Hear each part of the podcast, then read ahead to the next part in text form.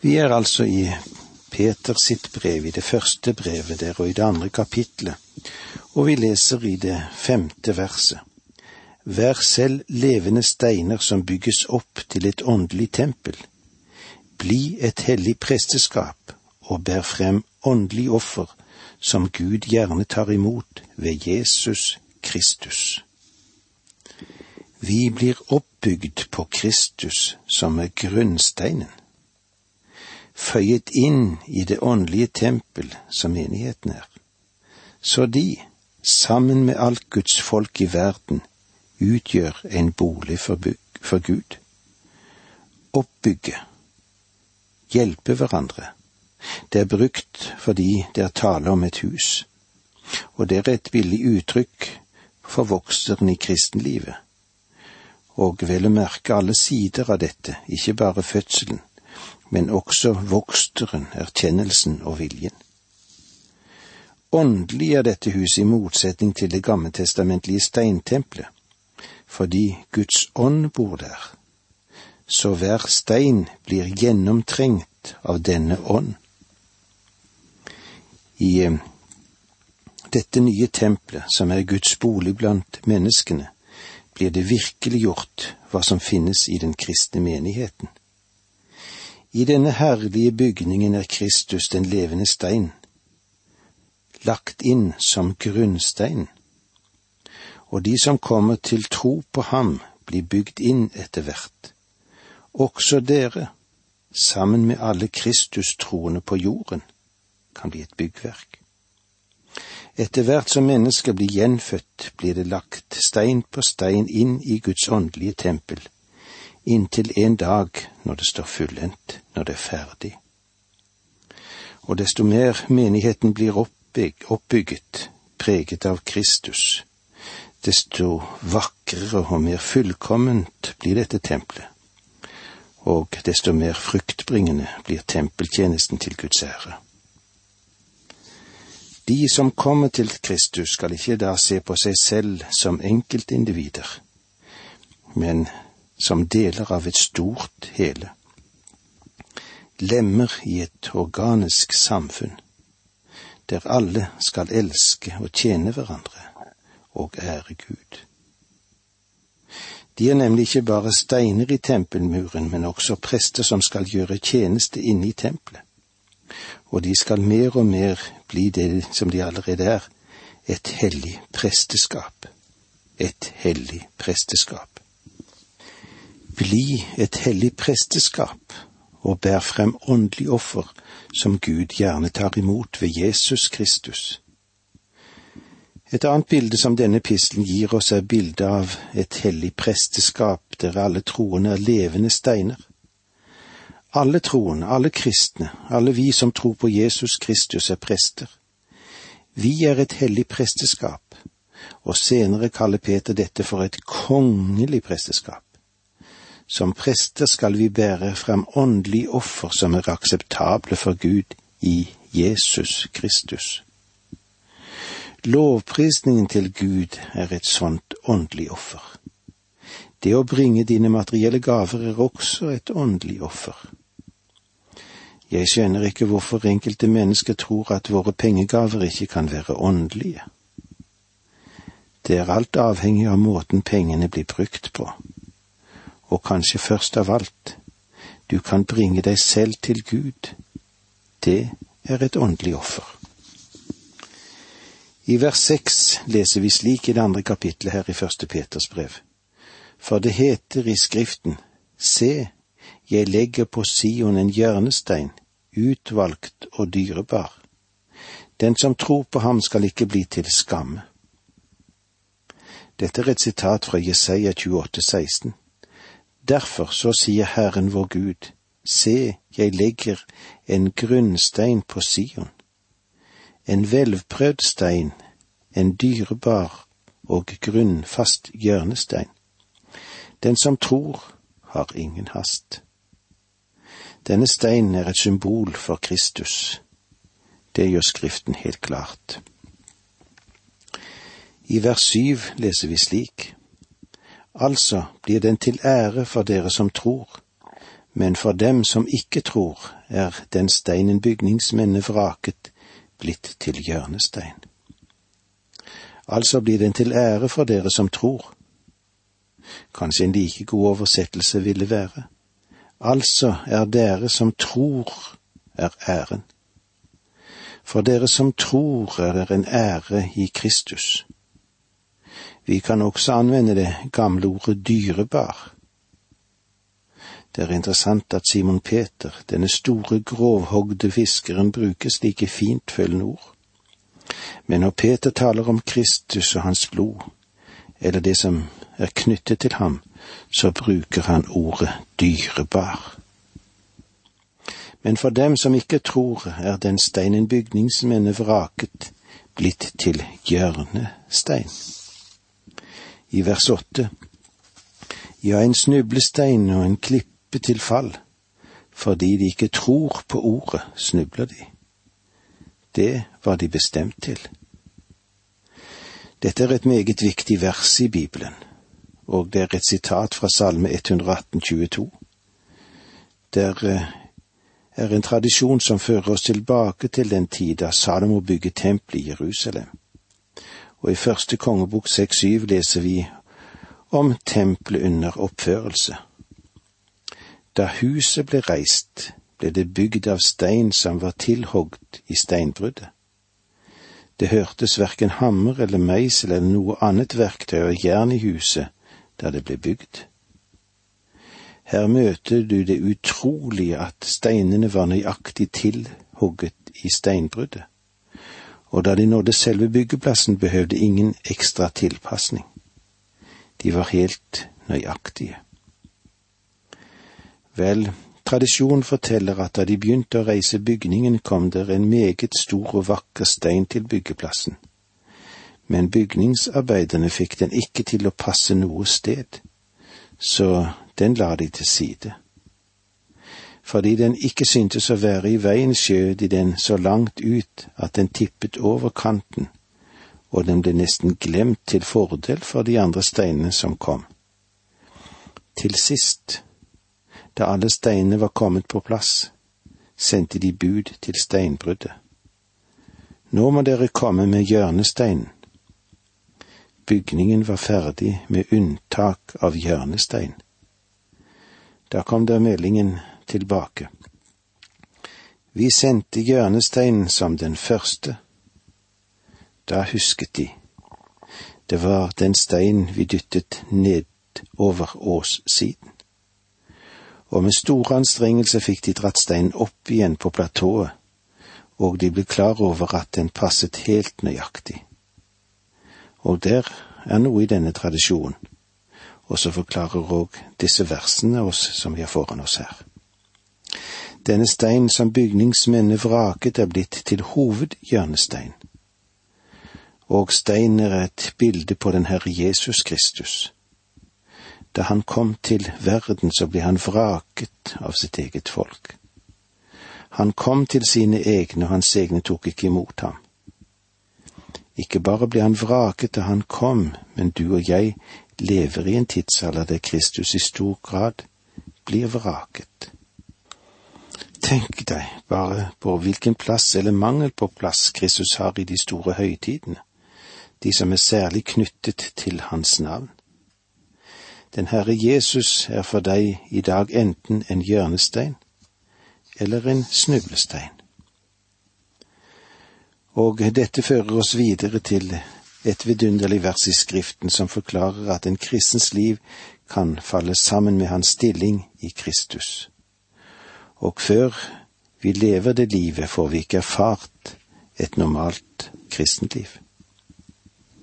I vers ni leser vi slik:" Men dere er en utvalgt e- slekt, et kongelig presteskap, et hellig folk, et folk som er Guds eiendom, for at dere skal forkynne Hans storverk, Han som kalte dere fra mørket til sitt underfulle lys. Han sier flere vidunderlige ting her om oss. Vi er en utvalgt slekt, et kongelig presteskap, et hellig folk, et folk som er Guds eiendom, ikke et merkelig folk. Guds folk var ikke ment å være underlige eller sære eller merkelige. Jeg har møtt kristne som synes å mene at jo merkeligere og mer mystisk de opptrådte, jo mer kristelig var de. Det er misforstått. Det er en stor misforståelse. Men det er likevel fantastisk at vi er et folk som er Guds eiendom. Og eh, med disse ordene må vi si takk for nå, må Gud være med deg. Dette undervisningsprogrammet består av to deler. Åge Nevland fortsetter nå med andre del av dagens undervisning. Vi er i Peters første brev i det andre kapitlet, og vi skal se på hvilken fantastisk mulighet vi har, og hva vi er utvalgt til. Eller slik som det står i det niende verset. Men dere er en utvalgt slekt, et kongelig presteskap, et hellig folk, et folk som er Guds eiendom, for at dere skal forkynne Hans storverk, Han som kalte dere fra mørket til sitt underfulle lys. Det første som vi ser her, er at vi er en utvalgt slikt. Går vi tilbake til Det gamle testamentet, ser vi at Gud utvalgte Israel som sitt folk, og i Skriften finnes det to utvalgte grupper mennesker. Folket Israel, kalt et utvalgt folk, og menigheten, kalt et utvalgt folk. Legg det nå på sinne at Peter skriver til sine egne i jød, de jødiske kristne som var spredt omkring i hele det romerske riket, og også utenfor det. Han sier faktisk til dem, selv om dere for øyeblikket ikke virker som et utvalgt folk, så er dere det. Fordi dere har kommet til Kristus, er dere en utvalgt slekt. Dere er, ut, dere er et utvalgt folk, på samme måte som israelsfolket var utvalgt. Nøklene til riket er gitt til kirken, menigheten, og vi skal i dag formidle evangeliet fordi menigheten er et utvalgt redskap. Den ære er gitt i troen. Han har risset sitt navn inn i våre hjerter og har løftet frem menigheten og sagt, Den er mitt folk. Og det andre som vi skal legge merke til her, er at vi er et kongelig presteskap. Går vi igjen til Det gamle testamentet, så ser vi der at Gud først valgte hele israelsfolket til å være prester. Men de syndet, og derfor valgte Gud en stamme ut blant stammen i folket. Prestene kommer fra denne ene stammen. I dag finnes det ingen presteskap på jorden som Gud anerkjenner, med unntak av ett. I dag er hver eneste troende i den Herre Jesus Kristus en prest. Israel hadde et presteskap. I dag er det menigheten, en kristne forsamling, som er presteskapet. Det særegne med presteskapet, og i særlig grad øverstepresten, var adgangen til Gud. I dag har alle adgang til Gud. Når vi tilhører Kristus, så kan vi komme for Hans åsyn, inn i det aller helligste. Simon Peter sier til oss her at som troende er vi medlemmer av et kongelig presteskap. Vi er kongens barn. Litt senere i denne epistelen kommer vi til å lese at Herrens øyne er over de rettferdige, og at han hører deres bønner. Dette er vidunderlig. Og vi har en stilling i Kristus som er helt fantastisk. Det fjerde er at vi er et hellig folk.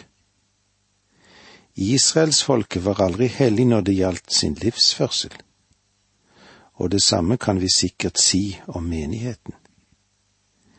Israels svikt, den var åpenbar, og menighetens svikt er skamfull.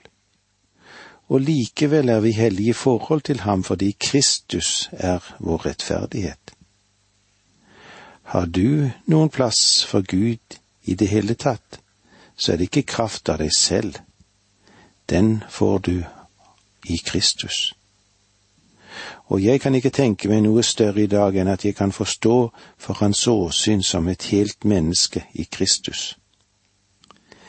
Det er en glede å få være medlem og borger av et hellig folk, som er et nytt folk i denne verden i dag. Det fjerde, vi er et folk som er Guds eiendom. Vi tilhører ham. Derfor er det i denne verden ikke bare et nytt folk, men også et folk som tilhører ham. Jeg vet ikke hvorfor noen kristne er redde for denne siden av saken. Det betyr ikke at vi skal være merkverdige eller handle mystisk eller underlig, men at vi tilhører ham. Vi er ikke løsrevet fra den sammenhengen. Kristi gjerning, hans forsonende gjerning, krever at han ga sitt blod, som vi har sett i denne pistelen. og som et resultat av denne forsonende gjerning har han nå sitt eget folk. I den ypperste prestelige bønn den Herre Jesus ba for oss, så sier han, Jeg har åpenbart ditt navn for de mennesker du ga meg fra verden. De var dine, og du ga meg dem.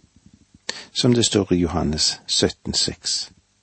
Han sa også dette i Johannes 6,37 alle de som Faderen gir meg, kommer til meg, og den som kommer til meg, vil jeg ingen, vil jeg ikke støte bort.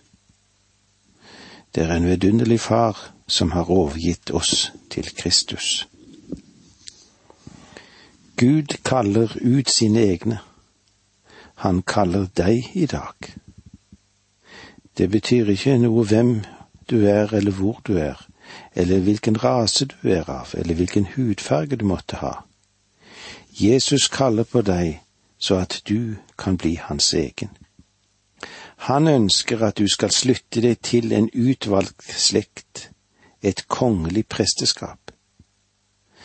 Han inviterer deg ikke nødvendigvis til en spesiell prestedrakt, men at du skal slutte deg til hans folk og bli med i det presteskapet som har adgang til Gud. Han kaller deg til å tilhøre et nytt folk. Han ber deg ikke om å flytte verken til Afrika eller Asia eller hvor det måtte være, til Tyskland, England eller Japan eller USA. Han kaller deg til å tilhøre den veldige skaren av troende som kommer fra hvert folk. Eller slik som det står i Salme 144, 15.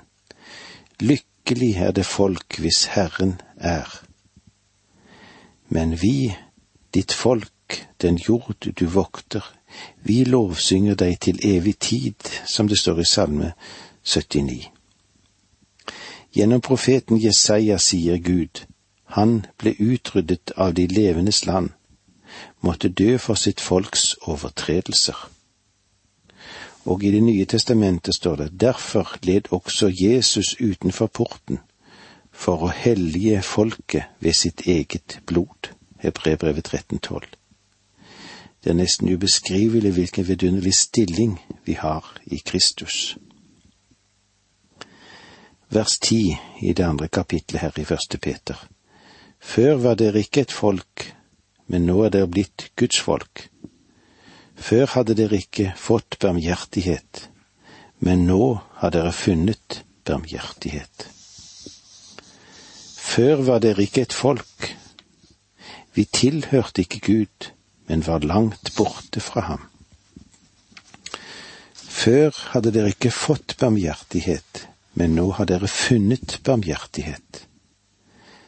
Dere er en gave.